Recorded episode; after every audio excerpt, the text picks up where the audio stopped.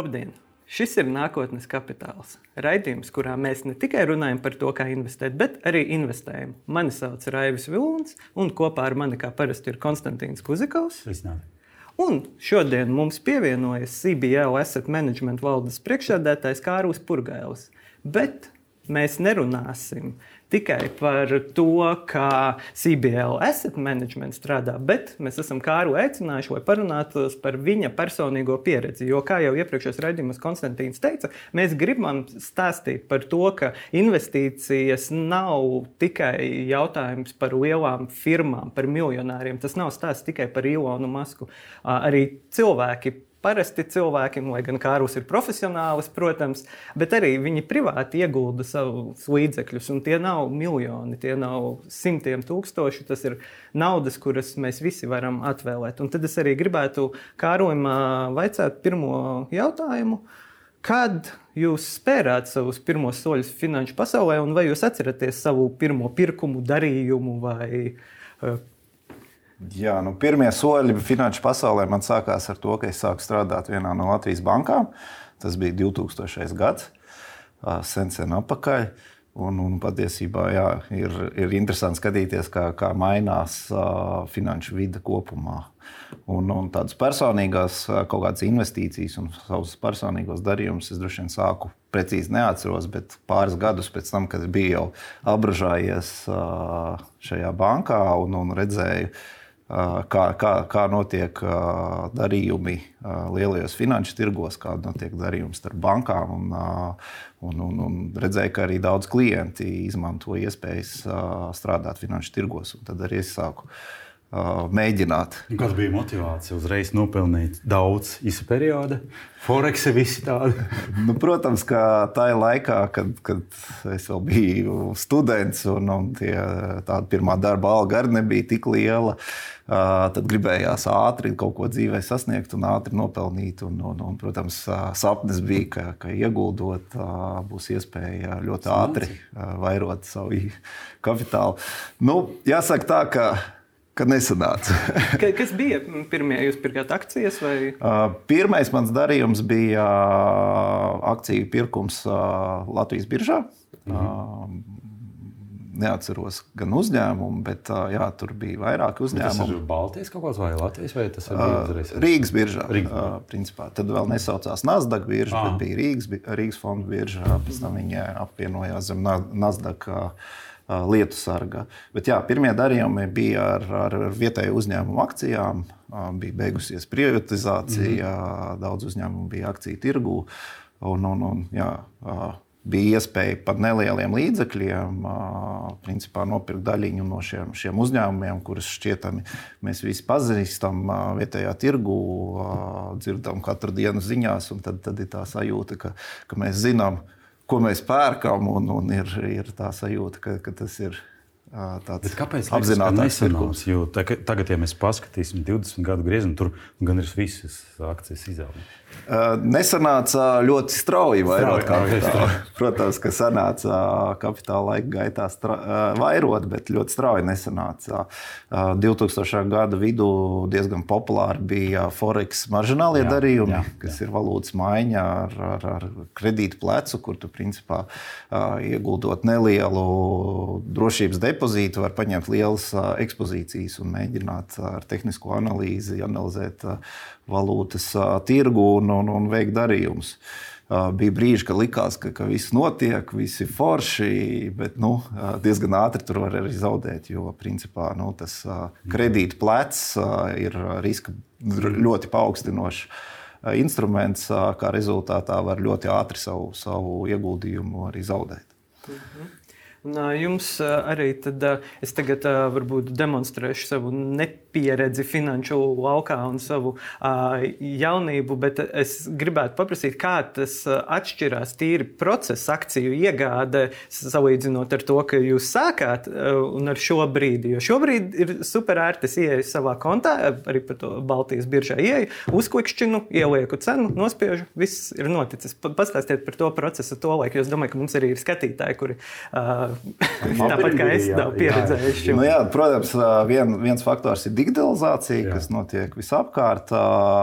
Arī finanšu pakalpojumi ir, ir ļoti digitalizējušies. Es atceros, ka 2000. gadā vēl nebija pat internetbankas bankām, mm. kur nu vēl finanšu instrumentu darījumus varētu veikt digitālā veidā. Jā, sākumā viss bija papīra veidā, papīra rīkojumi vai tālruņa rīkojumi. Dažas bankas vēl turpina piedāvāt klientiem, kas ir pieraduši pat tālruni komunicēt ar dzīvu cilvēku un, un, un, un veikt darījumus, jo pie reizes tu vari ne tikai, ne tikai iesniegt rīkojumu, bet arī nu, tiksim, aprunāties ar, ar profesionāli par to, kas, kas notiek, kādas tendences un tā tālāk. Tas ir viens aspekts, digitalizācija. Otrs aspekts, kas ir ļoti mainījis šo finanšu investīciju vidi ir regulācija. Mhm. Uh, nu, varētu teikt, kopš 2008. gada, uh, kad, kad bija globālā krīze, lielā finanšu uh, šī nu, tiksim, regulātora vēlme ielikt rāmjos šāda veida darījumus, kas ir investīcijas un, un citas, ir, ir, ir ļoti pieaugusi un, un tā, tā regulācija ir, ir ļoti smagnēja šobrīd.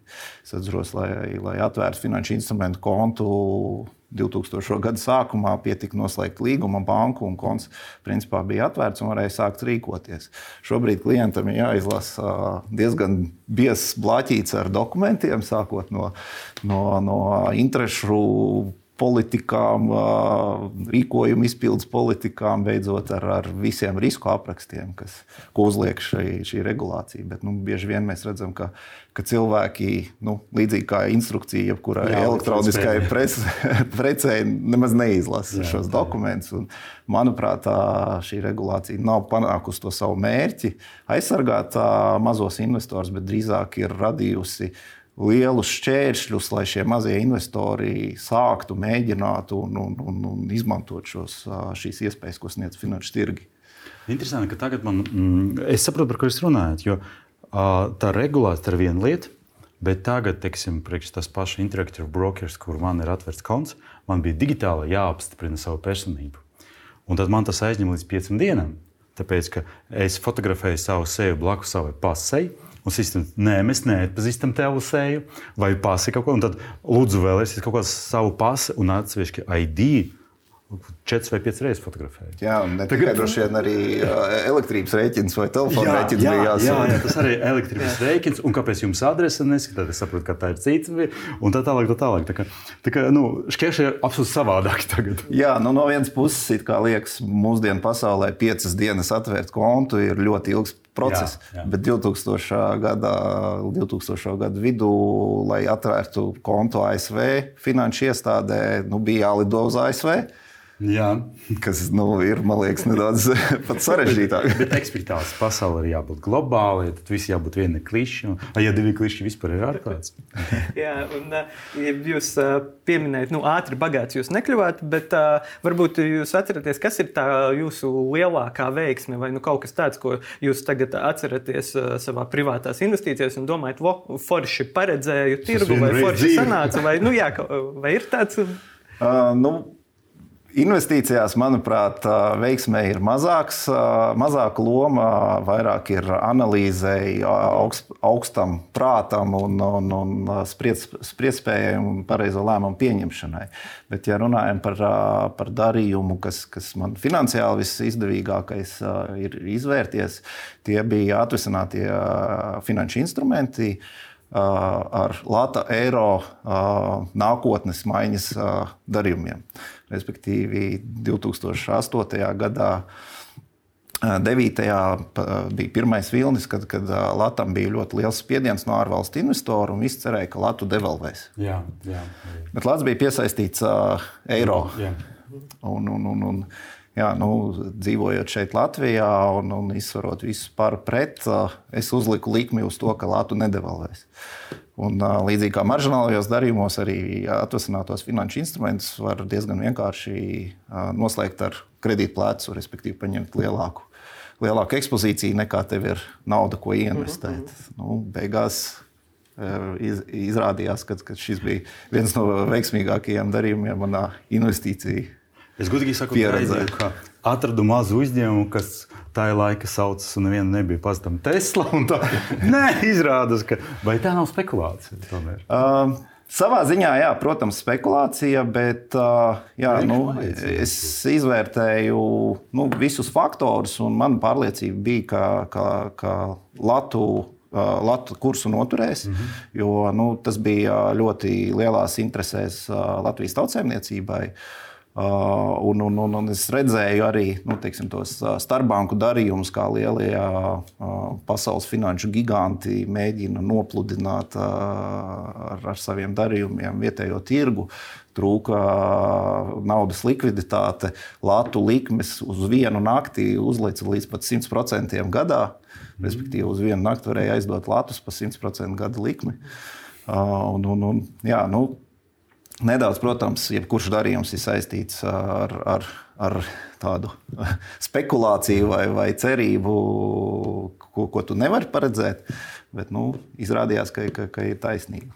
Daži saka par to, ka neveiksmēs paliek vairāk atmiņā nekā veiksmēs. Vai ir kāda, jo ir viena veiksme, cik ir neveiksmes blakus, un kas tad bija? Es domāju, ka neveiksmes paliek. Uh, vairāk atmiņā ar ma, nu, teiksim, neveiksmi ar mazu summu paliks labāk atmiņā nekā veiksmi ar mazu summu. Tas ir psiholoģiskais triks. Uh, nu, diezgan bieži vien mēs uh, apzināmies to, ka nelielas kaut kādas uh, uzvaras uh, iegūstam, bet, uh, ja viņas nav tādas uh, wow efekta, tad, tad uh, viņas paliek mazāk atmiņas. Savukārt, nu, jā, jebkurš zaudējums ir, ir sāpīgāks. Un, uh, Un, jā, nu šeit jāsaka, ka arī esmu guvis rūkstu pieredzi un, un, un, un sapratis, ka, ka, ka ieguldīt uzņēmumā, kas šķietami tev ir pazīstams mm. un paļaujoties tikai uz publisko informāciju, bieži vien var būt bīstami un, un, un izrādīties neveiksmīgi. Nu, manā pieredzē tādi ir Krājbankas meitas uzņēmums. No, Snoras Banka Lietuvā, kam, kam bija akcijas biržā, -hmm. kuras nu, jā, pēc, pēc iekšējām afērām pašā uzņēmumā. Bet kā tika zaudēts nosargāt no šādām lietām? Uh, principā no ši, šādām lietām sev pasargāt nav iespējams. Tu vari uh, mazināt šo risku. Tu vari okay. diversificēt. Jā. Jā. Neņemt uh, lielas ekspozīcijas, dalīt savu investējumu kapitālu mazās porcijās, likt dažādos aktīvos, dažādos uzņēmumos, nezinu, reģionos, sektoros un tā tālāk. Nu, jā, arī diversifikācija starp aktīvu klasēm ir, ir viena no lietām, ko es redzu, ko pēdējā laikā Latvijā cilvēki sāk ignorēt un, un uzskata, ka 100% ieguldījums akciju tirgū ir, ir, ir vislabākais risinājums. Respektīvi, nu, mēs zinām, ka, ka, ka akciju tirgus ir, ir diezgan svārstīgs un, un kā, kā rāda mūsu profesionālie modeļi, ko mēs savā uzņēmumā veicam, backtestējam datus un skatāmies, kā vēsturiski tas noticis. Mēs redzam, ka patiesībā ilgākā termiņā visefektīvākais portfels tomēr ir sabalansēts starp akcijām un, un obligācijām. Respektīvi, tie var būt 75% akcijās, 25% obligācijās. Bet jūsu privātais portfels, izņemot obligācijas un akcijas, kāds tur ir procents, kāds, kā izskatās jūsu pirks? Nu, mans privātais portfels nav tik liels, lai es ieguldītu patiešām obligācijās, jo nu, obligācija tirgus tomēr prasa lielāku summu sākotnēji, lai tu spētu sadiversificēt starp dažādiem obligāciju veidiem. Tādēļ es visbiežāk izmantoju ieguldījumu fondus. Mm -hmm. Respektīvi, tas ir kolektīvais ieguldījumu objekts, kuram pēc noteiktas katra fonda investīciju stratēģijas tad attiecīgi tiek ieguldīts gan akcijās, gan obligācijās, gan citu veidu aktīvos. Tādēļ nu, man kā mazam investoram nu, visracionālāk ir izmantot ieguldījumu fondus. Ir gan, gan tie saucamie ETF vai jā. elektroniski tirgotie ieguldījumu fondi, gan arī klasiskie. UCITS regulējuma Jā. fondi, kur, kur, kur, kur notiek aktīvā pārvalde. Jā, nu, es esmu piekritējis diversifikācijai, tāpēc es mēģinu diversificēt gan.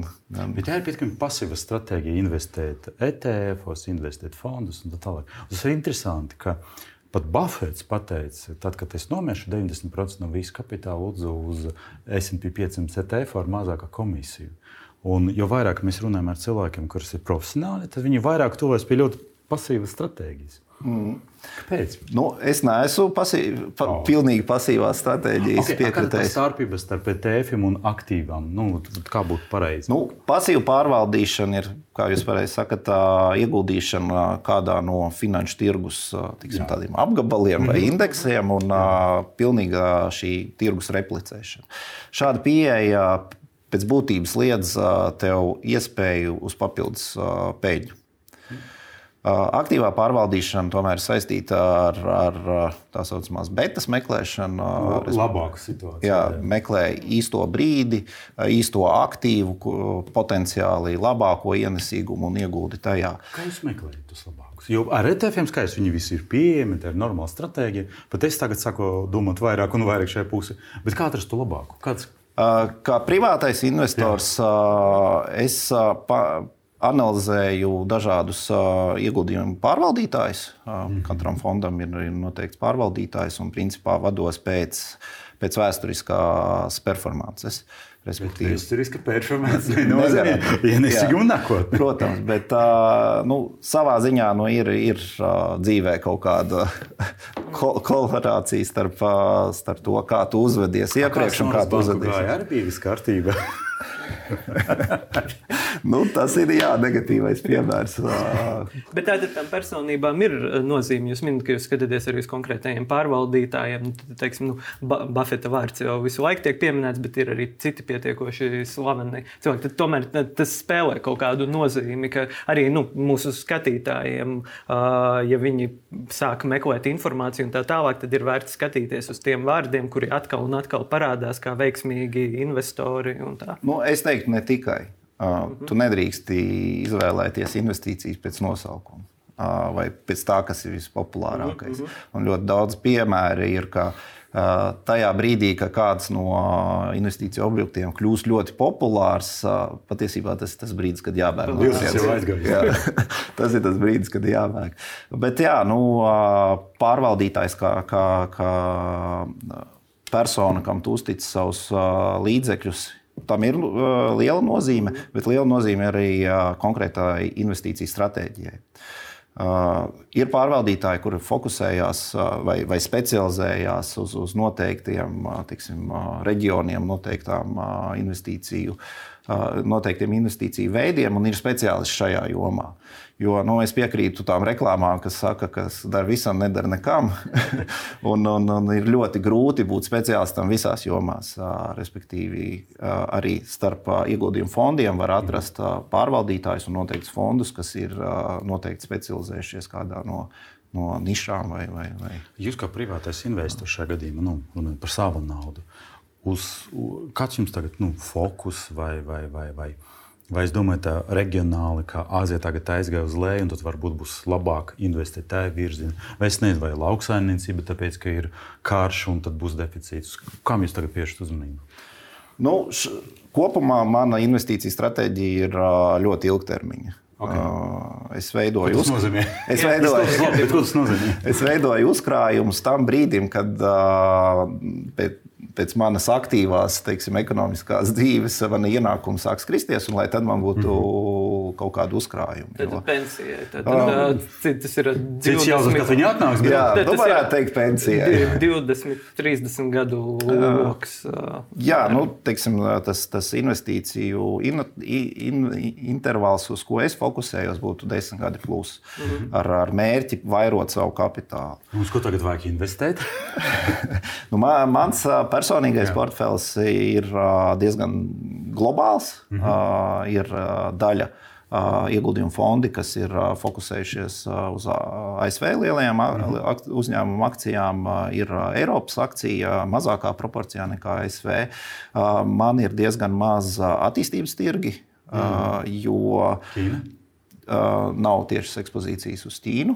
Uh, ir tikai caur, caur fondiem, kur, kur ir nu, pastarpināta eks, ekspozīcija. Uh, jā, nu, jo es tomēr uzskatu, ka, ka ilgtermiņā nu, tā, tiksim, potenciāls ļoti... varētu būt lielāks. Piņķirīgs jautājums. Bet vai ir vērts skatīties uz Krievijas tirgu? Jo, ja mēs skatāmies desmit gadu laiku, nu, būsim reāli, nu, noteikti. Vi, mēs tikko nodzīvojam, diemžēl, ka karaliene nomira. Nu, nu, nu, nu, arī Putins nav mūžīgs.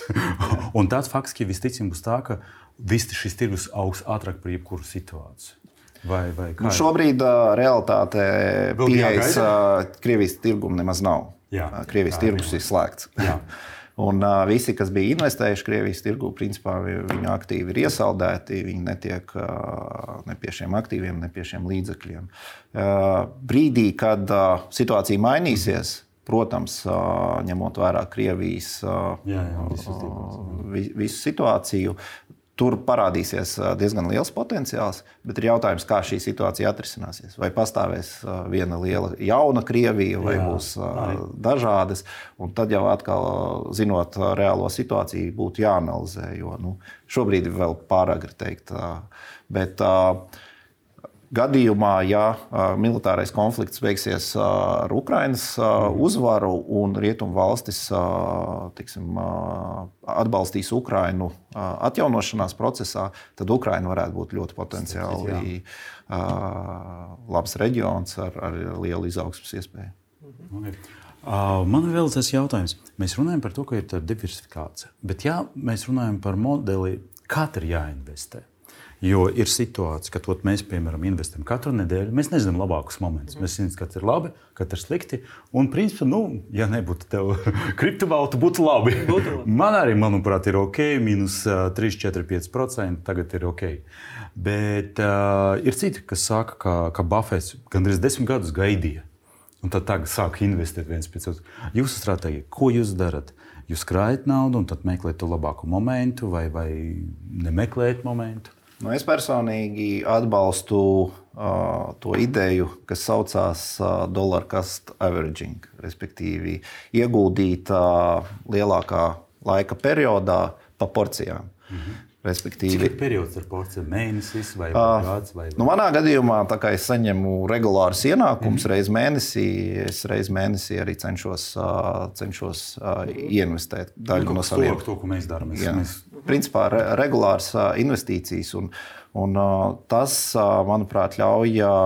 Ne, nedomāt un neriskēt ar šiem tā saucamajiem market timing riskiem, ka tu ieinvestē savus līdzekļus nepareizajā brīdī. Tu vari krāt ilgus gadus. Un, un, un, un nesagaidīt to brīdi, kad ir ļoti izdevīgi ieguldīt. Bet man ir jautājums, kā, kā jūs šajā gadījumā pārdzīvojat to emocionālu stāvokli? Jo arī ot, man ir 50 eiro, es pārskaitīju viņu pirmdienu, un skatos, tirgus iet uz leju, varbūt vajag pagaidīt. Un tad gaida, gaida, un tad trešdienā aizgāju uz augšu. Tad, ah, Un it kā izskatās 50 eiro, vai otrā situācija, tirgus iet uz augšu, un tad labāk tagad. Uh, un, un, un tad kā jūs mēģināt to visu savaldīt? Vai esat izkopis augstasinību jau savos? Uh, ja cik reizes es kļūdījos? nu, jā, manuprāt, augstasinība un, un disciplīna ir ļoti svarīgs faktors jebkuram, kas investē. Jo tajā brīdī, kad tu sāc mētāties, pārdomāt savus lēmumus, mainīt savu teiksim, ilgtermiņa stratēģiju, tas ir tas brīdis, kad tu viennozīmīgi zaudēs naudu, manuprāt. Un, un man pieredze arī tajā pašā FX maržinālajā tirzniecībā to ir parādījusi, ka nu, es nespēju tajos brīžos novaldīties un izdaru tādus lēmumus, pēc, pēc laika domāju, nu, priekš kam es to darīju. Tas acīm, redzot, acīm redzams bija, ka tā nevajadzēja darīt. Tagad, bet tajā brīdī likās, ka būs pareizi. Bet nu, vienmēr beidzās ar to, ka, ka nauda tiek zaudēta. Bet runājot par 50 eiro un regulāru iemaksu, patiesībā jau. Ja paskatāmies 50 eiro un, un dažu dienu starpība, nu, tie būs 2-3% labāk tādā lielā svārstībā no 50 eiro 2-3%. Nu, nu, ja nav liela. Katru nav. nedēļu pa 2% ir izdevīgāks, tad gada griezumu var ļoti nu, labu Protams, rezultātu. bet es domāju, ka tīri statistiski beigās. Nu, nesanāks. vai jums ir arī kaut kādas alternatīvie rīki, un, pieņemsim, kriptovalūtas vai varbūt kaut kādi citi interesantāki, nu, jūs minējāt akcijas obligācijas, nu, kas ir ļoti standarti, ļoti cienījami rīki, līdzīgi kā Konstantīnam ir akcijas. Nu, manā portfelī, kā jau skatītāji zinās, arī ir kriptovalūtas, peer-to-peer, peer-to-business un tā tālāk. Vai jums arī esat kaut ko skatījies to pusi, kaut kur kaut ko ielicis? Jā, nu šobrīd man portfelī ir kriptovalūtas. Tagad gan procentuāli mazāk, jo to vērtība ir nokritušās. Bet jā, nu, ir, ir daļiņa manā portfeļa kriptovalūtās. Nu, šobrīd es droši vien sēdēšu un gaidīšu, kā, kā attīstīsies situācija tālāk. Vai šī jau nav vairs pārdota, jo tik zem nokrīt? Uh, patiesībā ja salīdzinām pirkuma brīdi, tas kritums varbūt nav tik liels. Tad jūs nenopirkāt novembrī pagājušajā gadā, kad bija 70 tūkstoši. Jā, bet tas, ja, ja es šobrīd salīdzinu to, to pīķa brīdi, tad liekas, ka nu, vajag lielais kritums, un varbūt tas potenciāls ir uzšauties apakaļ. Tāpēc, nu, tas vēl cerība. Jā, nu, es uzskatu, un arī, arī citiem rekomendēju, ka varbūt pārdomā piecas reizes, vai tev ir īstais brīdis pie krituma likvidēt savu aktīvu, jo tādējādi tu liedz sev iespēju atgūt zaudējumus vai iegūt to potenciālo izaugumu, izaugsmī, kas, kas, kas, kas, kas var sekot. Jo, nu, ja tu izņem naudu ārā no, no finanšu tirgus, viss tev, tev vairs nav iespējas Atkal tā augstasinība, ko jūs uh, minējat, jo nu, kript, kriptovalūtu tirgu to mēs uh, varējām redzēt. Nu, tas viss tas šausmīgais uh, kritums uz leju, un tagad uh, bija pēdējā ziņas, ka kopējā kapitalizācija ir zem viena uh, triljona, jau ir nokritusies uz leju un turpina visu laiku krist. Jau vasaras sākumā bija ziņas, ka vismaz 40% privāti investori, kam bija bitkoins, ir uh, mīnusos ieslīdējuši, un tad uh, var redzēt, ka katru reizi, ka nopaniko un tad aiziet vēl uz leju un vēl uz leju. Tad arī šeit tā augstasinība jā. ir kaut kāds. Nu, jā, kripto, kripto tirgus ir, ir jauna lieta pasaulē. Un, un, un, un ļoti grūti nu, paredzēt, kā, kā, kā attīstīsies tālāk. Uh, vienīgais, ko es pie sevis pārdomāju, ir negribētos, lai jaunie cilvēki, kuri kripto tirgu ir guvuši negatīvu mācību, atmestu domu par investīcijām vispār. Tas, tas būtu diezgan slikti sabiedrībai kopumā. Bet tad, kad tirgus krīt, īstenībā tas ir moments, kad arī jāpērk. Un tad es dzirdēju un lasīju, ka ir divas stratēģijas. Pērkam tad, kad krīt, tāpēc, ka pēc pieciem gadiem, desmit gadiem mēs, mēs, mēs uzvarēsim. Vai otrais variants, ja aug, tad jāpērk šodien, tāpēc, ka rīt būs dārgāk. Ot, jūsu gadījumā, jū, kā privātais investors, ko jūs, jo tas ir man mūžīgi galva, tad jāpērk, bet viņi nokrita vēl zemāk, tad es varu nopirkt vēl zemāk. Bet tad es nopirku tik daudz, un tad, tad augs. un, un kā jūs uh, mēģināt uh, sekot kaut kādam principam šajā gadījumā? Jo tad pēc loģiska, pēc, pēc vienas stratēģijas ir jāpērk kriptovalūta tieši tagad. Jā. Beidzot, viņi var atļauties nopirkt. Nu, šis, šis ir tāds uh, varbūt filozofisks jautājums. Nu, jo ir tāds teiciens, never add losing position. Nekad nepieliec zaudējošai pozīcijai. Vai no otras puses, always add losing jā. position, lai, jā, sam, jā. lai samazinātu teiksim, to kopējo izmaksu par to iegādāto aktīvu. Uh, var būt pieejas dažādas. Man liekas, uh, man pieeja tomēr ir, uh, ja pozīcija ir stipri nokritusies, es nemēģinu atšķaidīt cenu, mm. respektīvi nopie, piepirkt klāt. Piepirkt klāt Bet es, uh, es skatos arī uz citiem aktīviem un skatos. Tad uh, to brīdi, kad ieiet uh, kādā citā aktīvā. Ko darīt tad, kad viņi sāk augt, un tu jau sāki domāt, ah, kāpēc es nenopirku tad, kad bija tik zemi? Tāpēc es izmantoju regulāru ieinvestēšanu. Es saprotu, mums un, arī. Turpinu arī pirkt gan augošās, gan visus, visus. Gan okay. krītošā. Saprotu. Un, uh, Tuvojoties raidījuma izskaņai, es gribu, protams, nedaudz parunāt arī par šī brīža tagadējo situāciju. Proti, ja skatītāji tagad, vai, vai šis ir, precīzi sakot, jautājums ir, vai šis ir slikts brīdis, kad sākt iesaistīties tirgos, vai būs sliktāk, vai arī pieturoties pie tā, ko mēs iepriekš runājām, pakāpeniski, lēnā garā, sistemātiski investējot, ka visticamāk jau ka beigās būs labi. Vai mm. kāds ir tas kaut kādi ieteikumi? Nu, droši vien atbildot uz jautājumu, vai, vai būs sliktāk, man atbild būs, es nezinu. Un, ja es zinātu, tad droši vien būtu daudz bagātāks. Bet, ja nopietni, tad šobrīd ir ļoti daudz nezināmu un mainīgu faktoru kopumā pasaulē, gan ekonomikā, gan, gan ģeopolitikā un, un, un, un, un citās jomās, ka tā nenoteiktība ir, ir ļoti augsta. Un var palikt sliktāk, un var palikt arī diezgan strauji labāk. Tas ir atkarīgs no ļoti daudziem faktoriem. Uh, bet, ja runājam par to, vai šobrīd ir slikts brīdis sākt investēt, es teiktu viennozīmīgi, ka nav slikts brīdis. Uh, šobrīd ir pat labāks brīdis sākt investēt nekā tas bija pagājušajā gadā. Jā, jā. Jo teiksim, tās potenciālās ienesības, ko tu vari iegūt, iegādājoties gan akcijas, gan, gan, gan obligācijas, šobrīd ir daudz, daudz lielāks nekā tas bija gadu, pat divus gadus atpakaļ. Pienosim, ja pēc gada nebūs sliktāk.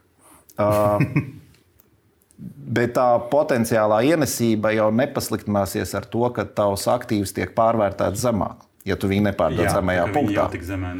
Tavs aktīvs tiek mm -hmm. pārvērtēts zemāk, bet uh, labi, tajā brīdī iegādājoties tā potenciālā ienesība ir vēl lielāka. Bet, Bet tu jau mm. esi iegādājies diezgan labu potenciālu ienesību. Nu, ilgtermiņš, protams, gluži kā mūsu portfeļa, kā jūsu. Uh, šis raidījums ir domāts cilvēkiem, kas tikai nu, plāno investēt, vai kuri veido pirmos soļus. Vai ir kaut kāda grāmata, kuriem ir vērts palasīt? Vai avoti? Avoti, kuriem ir vērts sekot.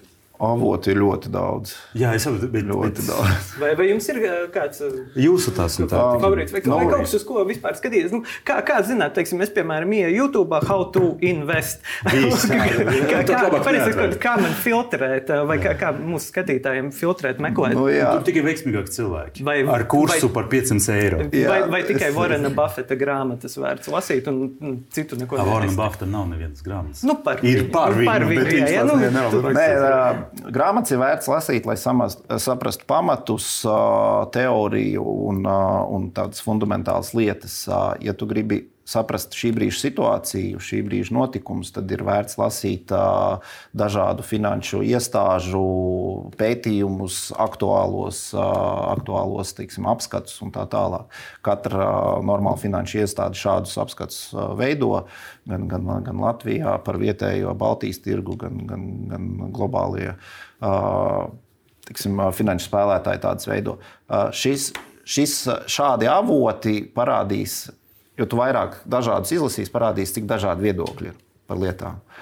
Un tas ļaus tev sākt domāt, un filtrēt un izkristalizēt savu viedokli. Bet, ja runājam par, par video, tad jā, es nesen arī sociālo tīklu šķirstot, pamanīju, ka ir tik, tik daudz veiksmīgi cilvēki, kas piedāvā savu veiksmīgo pieredzi par naudu, ka man likās, ka nu, ārprāts vai tiešām kāds pavelkās uz šāda veida lētiem trikiem. Veiksmīgi, visi tik veiksmīgi, visi bagāti. Jā. Tā kā, nu, es teiktu, ka, ka tādus uh, video formātus, uh, kur, kur, kur mēģina uh, par naudu vēl, vēl tev pastāstīt, kas tev būtu jādara, vajadzētu no tādiem izvairīties. Izmantot nākotnes kapitālu. Uh, bet jūs jau ne, nestāstāt cilvēkam, kas ir jādara. Jūs stāstāt cilvēkam par, par fundamentālām pieredzi, lieda, lietām, par savu pieredzi, par, par, par, saviem, par savu viedokli. Tas ir savādāk. Lāķi viņi varētu mainīt, varbūt slikti, varbūt labi. Bet šajā gadījumā, ko es varētu uzzināt no no nezinu, tur, tur vienas bankas vai no otras bankas pārskata, ir slikti vai ir labi un tā tālāk. Bet uh, ilgtermiņā es varētu būt veiksmīgs, ja es sekoju kaut kādiem principiem. Jo viens no principiem ir absolūti pareizs. Investējam var būt maz, bet periodiski, un tāpēc mēs, mēs varam aizmirst par visiem šiem pārskatiem. Investēt mēs pirksim dārgi, mēs pirksim lēti. Investējam ETF-os, kas SP 500 kopēji, tāpēc ka šajā gadījumā mums var būt pasīvāk, bet drošāk un tā tālāk. Vai ir kaut kāds avots, vai, vai, vai kaut kāda grāmata, vai kaut kāds investors, visticamāk, jau gados, kuram, kurš stāsta par saviem principiem, kuram jums liekas, ir vērts sekot? Vai es tā uzreiz. Kāda jums būs grāmata? Labs jautājums par manu grāmatu. Droši vien, ka nekad. Labi, bet ko palasīt? Lai es uzzinātu tos principus. Jo, jo divas bankas, divas dažādas vietas, ko darīt. Mm. Un tad tikai princips var pateikt, ok, nomierinies. Viens no principiem IPO tas ir ļoti labi, bet sagaidīsim sešus mēnešus un paskatīsim, ko akcionāri izdarīs ar savām akcijām. nu, es tādu vienu grāmatu droši vien nenosaukšu. Ir, esmu lasījis dažādas, un, un pamatā man, man tomēr pieredze ir veidojusies nu, tīri prakti, praktiski, un, un tādas akadēmiskās zināšanas, nu, principā es neesmu iegūmis universitātē vai kur. Nu, nav, kur nav Latvijā jā, šāda, šāda programma. Uh, bet nu, jā, par tām fundamentālajām lietām es, es tā uzreiz nenosaukšu. Jā. Bet vai ir kaut kāda autoritāte priekš jums? Priekš manis jā. īstenībā nav. Un arī Vorens Buffets nav priekš manis autoritāte. Nu, man ir subjektīvs viedoklis, ka liela daļa savu uh, bagātību viņš ir uh, iegūmis izmantojot uh, neatļautus vai daļēji atļautus paņēmienus, un viens no tiem ir inside trading, mm -hmm. kas ir izmantojot iekšējās informācijas avotus pirms tirgus spēja spēj uzzināt šo informāciju. Interesanti, tāpēc, ka viena no grāmatām par viņu ir uzrakstīta, ka viņš īstenībā nav investors. Viņš ļoti bieži pats arī vada vai caur saviem cilvēkiem vada šos uzņēmumus. Tas ir drusku, nu, tas nav tā kā klasiskais investors, kas nopirk akciju un gaida un skatās Jā. un analīzē un pārdod, bet viņš aktīvi piedalās uzņēmuma vadībā. Nu, varbūt viens no tiem iemesliem, kāpēc viņš piedalās uzņēmuma vadībā, ir, lai iegūtu šādu iekšējo informāciju. Nu, Berkshire Hathaway arī nav uh, pēc būtības investīciju uzņēmums. Tas kādreiz bija ražotne.